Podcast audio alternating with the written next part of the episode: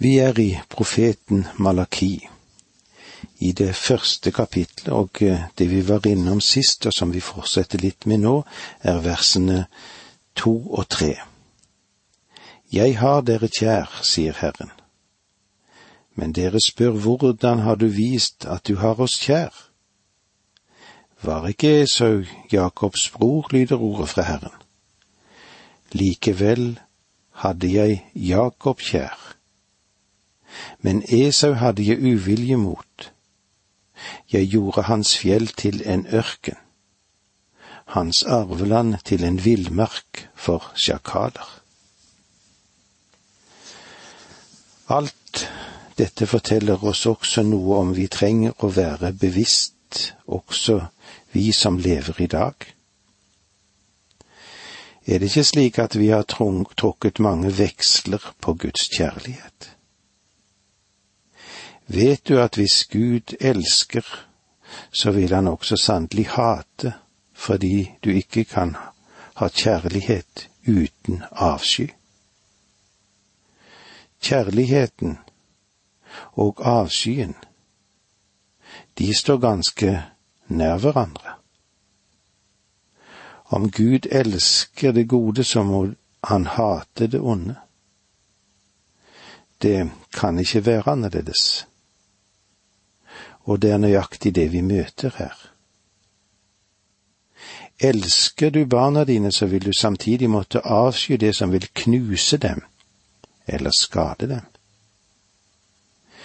Gud sier at på grunn av Esaus sitt liv, på grunn av det onde som fulgte denne mannens hjerte, så fant det sitt utspring i Edom som folkeslag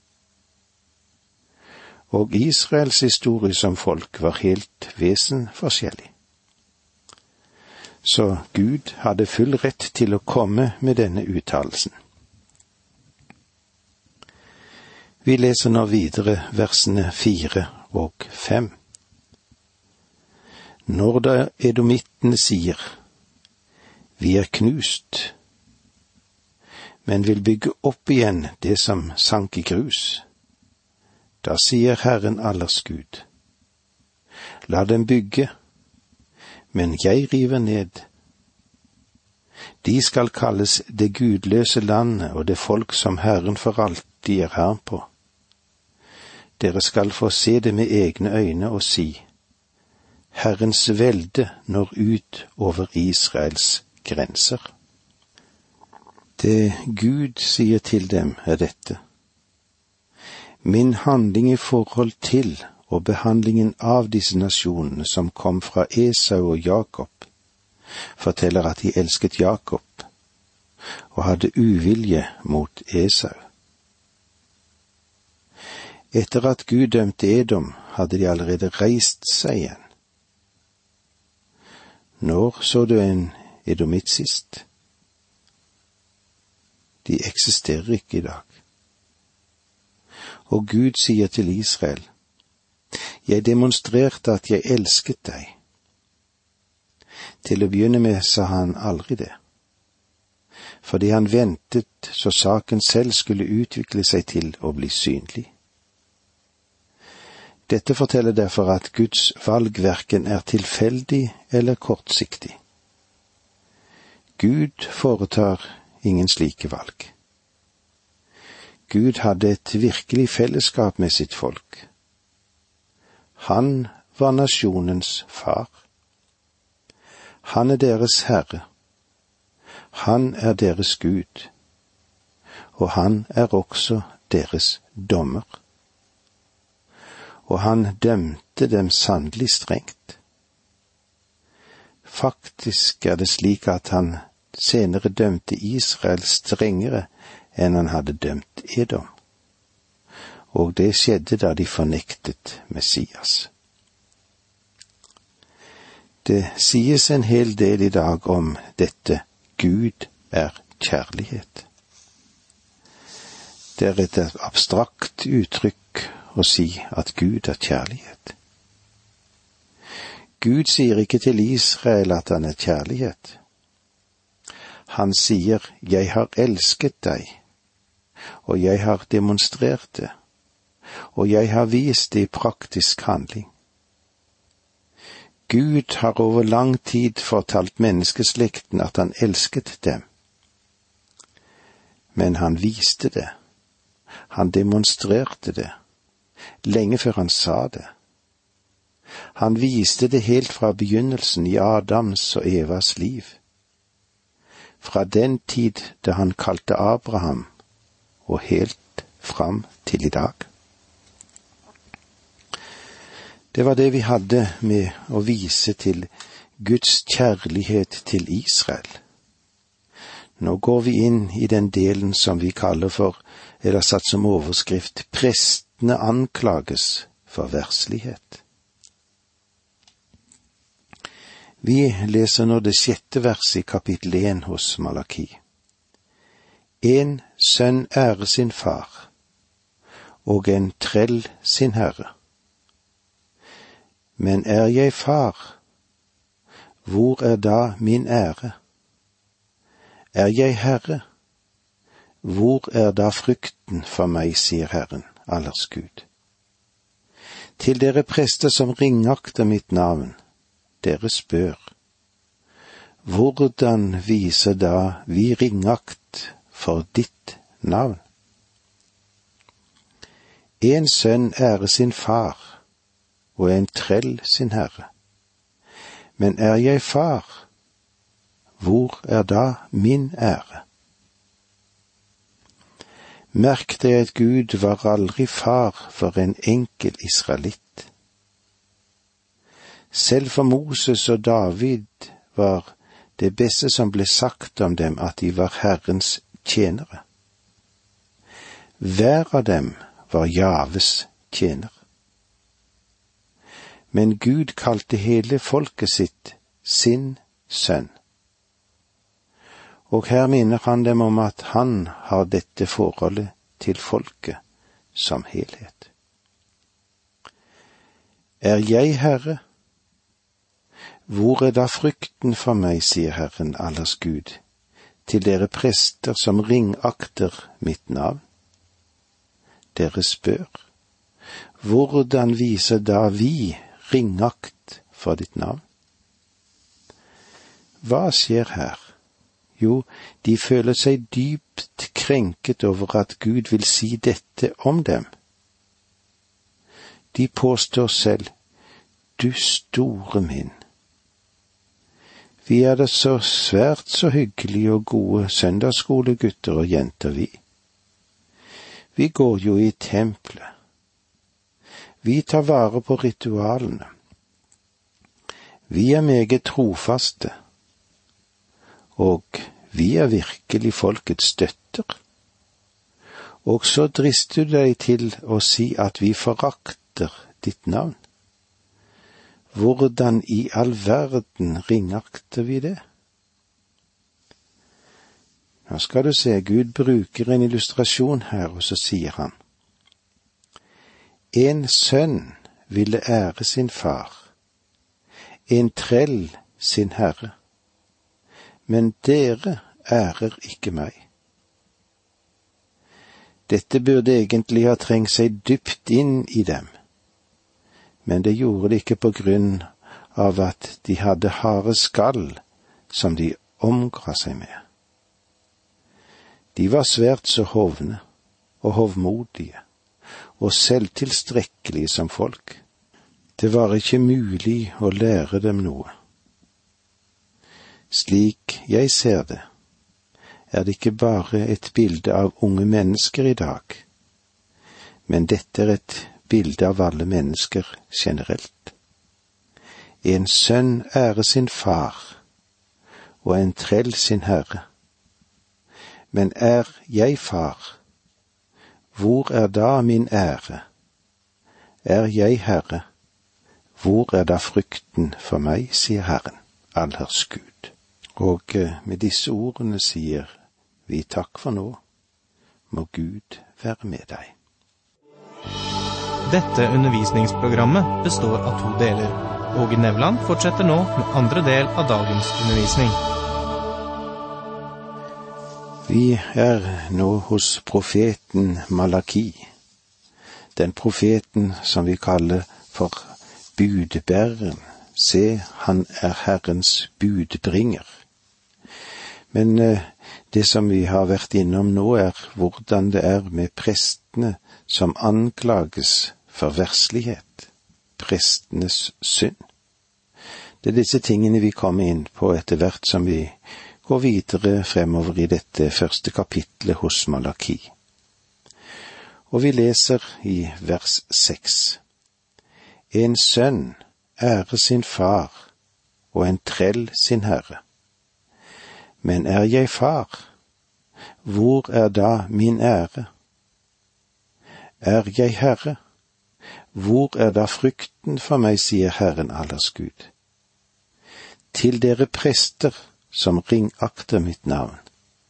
Dere spør, hvordan viser da vi ringakt for ditt navn? Av og til så kan det kanskje være slik at vi anklager unge mennesker for ikke å høre. Det er ikke alltid at eldre mennesker hører heller. De burde jo ha lært for lenge siden å lytte til Gud men eh, de har nødvendigvis ikke gjort det. Gud måtte si til Israel, dere ringakter mitt navn. Og hva skjer? Jo, da begynner de å surmule. De later som om ikke de vet hva han snakker om. Hadde du vært i Jerusalem på den tiden da dette foregikk, ville du ha sett store menneskemasser fylle tempelet. Der brakte de sine offergaver. De holdt fast ved ritualene. Deres ytre handlingsmønster gav inntrykk av at de var meget religiøse. Deres fromme øvelser, de var imponerende og vi hadde vel latt oss dra med og kanskje sagt det på denne måten. Dette er en levende menighet. Her tilber de i sannhet Gud. Men når sann skal sies, holdt de Gud på minst tre skritts avstand. Dypt i sitt eget hjerte foraktet de faktisk hans navn. Og dette gjaldt ikke minst prestene vers sju. Ved å bære fram uren mat på mitt alter. Dere spør. Hvordan har vi krenket din renhet ved å si, Herrens bord er lite å akte? Hvordan kunne de forakte Herrens navn når de gikk til tempelet regelmessig, og sa så til at andre mennesker også tilba? Nå begynner Gud å si ting til de i klartekst. Dere bærer fram uren mat på mitt alter. Vi må ha klart for oss at det brød det henvises til her, er den ofringen som ble gjort på alteret. Det er det vi kaller for matoffer. Gud understreker det i vers åtte at det er det han taler om her. Gud, han sier at offeret var ikke forskriftsmessig i stand. Det var ikke slik som han hadde sagt at det skulle være. Men prestene, de tok det ikke så nøye. Og de kom kanskje bare med dette spørsmålet. Hvordan har vi krenket din renhet? Skulle de ha krenket Gud?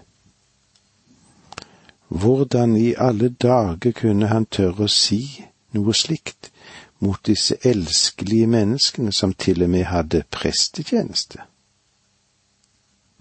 Det å krenke Guds renhet, det var en alvorlig anklage om den var sann. Men folket, og prestene, de avviser anklagen med et likegyldig trekk på skulderen. De handler som om Gud ikke vet hva han snakker om. Så sier Gud til dem, Dere sier at Herrens bord er lite å akte. De foraktet Herrens bord gjennom måten de behandlet det på, og gjennom at de aksepterte gaver på Herrens bord som ikke fylte forutsetningene ved at de skulle understreke Herrens renhet. Gud taler til dette folket. Den jødiske rest som hadde vendt tilbake til landet, og nå har de slått seg til ro i en oppgangstid. Nå har de det bra. Det er mer enn hundre år siden de kom tilbake igjen til landet sitt. Fangenskapet ligger nå langt bak dem som en fjern episode. Og landet, ja, det er i fremgang. Nå er de begynt å bli selvtilfredse. Nå har de et tempel. Nå har de ritualer som de overholder. Men Gud er de langt borte fra. De har isolert seg fra ham og det viser seg ved at de nå tar til motmæle når han har noe å si til dem. Det er ikke alltid like enkelt for noen av oss å gi Gud rett. Kanskje noe av den samme gjenstridighet også gir seg til kjenne i ditt og mitt liv. Vers åtte Når dere vil ofre et blindt dyr, er ikke det galt? Når dere bringer et halvt eller sykt dyr, er ikke det galt? Kom med slikt til din stattholder. Tror du han ville synes om deg eller ta vel imot deg, sier Herren allers Gud. Når dere vil ofre et blindt dyr, er ikke det galt? Når dere bringer et halvt eller sykt dyr, er ikke det galt? Det er klart at han taler om offer, dyreoffer. Gud hadde helt fra begynnelsen gjort det klart for Israel at intet som på noen måte var merket eller forurenset eller skadet på noe vis, kunne brukes som offer for ham. Hør hvilken forordninger Gud hadde gitt dem om dette. Vi leser i Tredje Mosebok i det 22. kapitlet vers 20 til 23. Noe som der lyter på, kan dere ikke ofre, for da har Herren ikke behag i dere. Når noen bærer frem for Herren et måltidsoffer av storfet eller småfet, enten for å oppfylle et løfte eller for å bringe et frivillig offer. Da må dyret være uten lyte, om Herren skal ha behag i ham. Det må ikke finnes lyte på det. Dere skal ikke bære frem for Herren et dyr som er blindt, eller har brukket et ben, eller har sår eller lider av byller, skabb eller annet utslett. Dere skal ikke legge ildoffer av slike dyr på alteret for Herren en okse eller sau som har for lange eller for korte lemmer, kan du ofre som frivillig offer, men som løfteoffer blir det ikke vel mottatt av Herren. Det er det Moseboken forteller oss. Gud sa indirekte til dem at det offeret de ofret, var et bilde på den Herre Jesus Kristus, som er Guds fullkomne lam som tar bort verdens synd. Ethvert ufullkommet offer, det var et hån mot Herre, den Herre Jesus Kristus. Om de ikke skulle ha forstått det som sto i Tredje Mosebok, så tolket Gud loven for dem i Femte Mosebok, i det femtende kapittelet der, vers 21. Men har de noe lyte, enten de er halte eller blinde eller har noen annen alvorlig feil, skal du ikke ofre dem til Herren din Gud. Det som hendte på Malakis tid, kan kanskje praktisk beskrives som en illustrasjon slik. Tenk deg at det er en mann som lever i fjellene i Efraim, som stadig får premier for kveget sitt. Han får alltid en blå sløyfe på kvegmarkedet.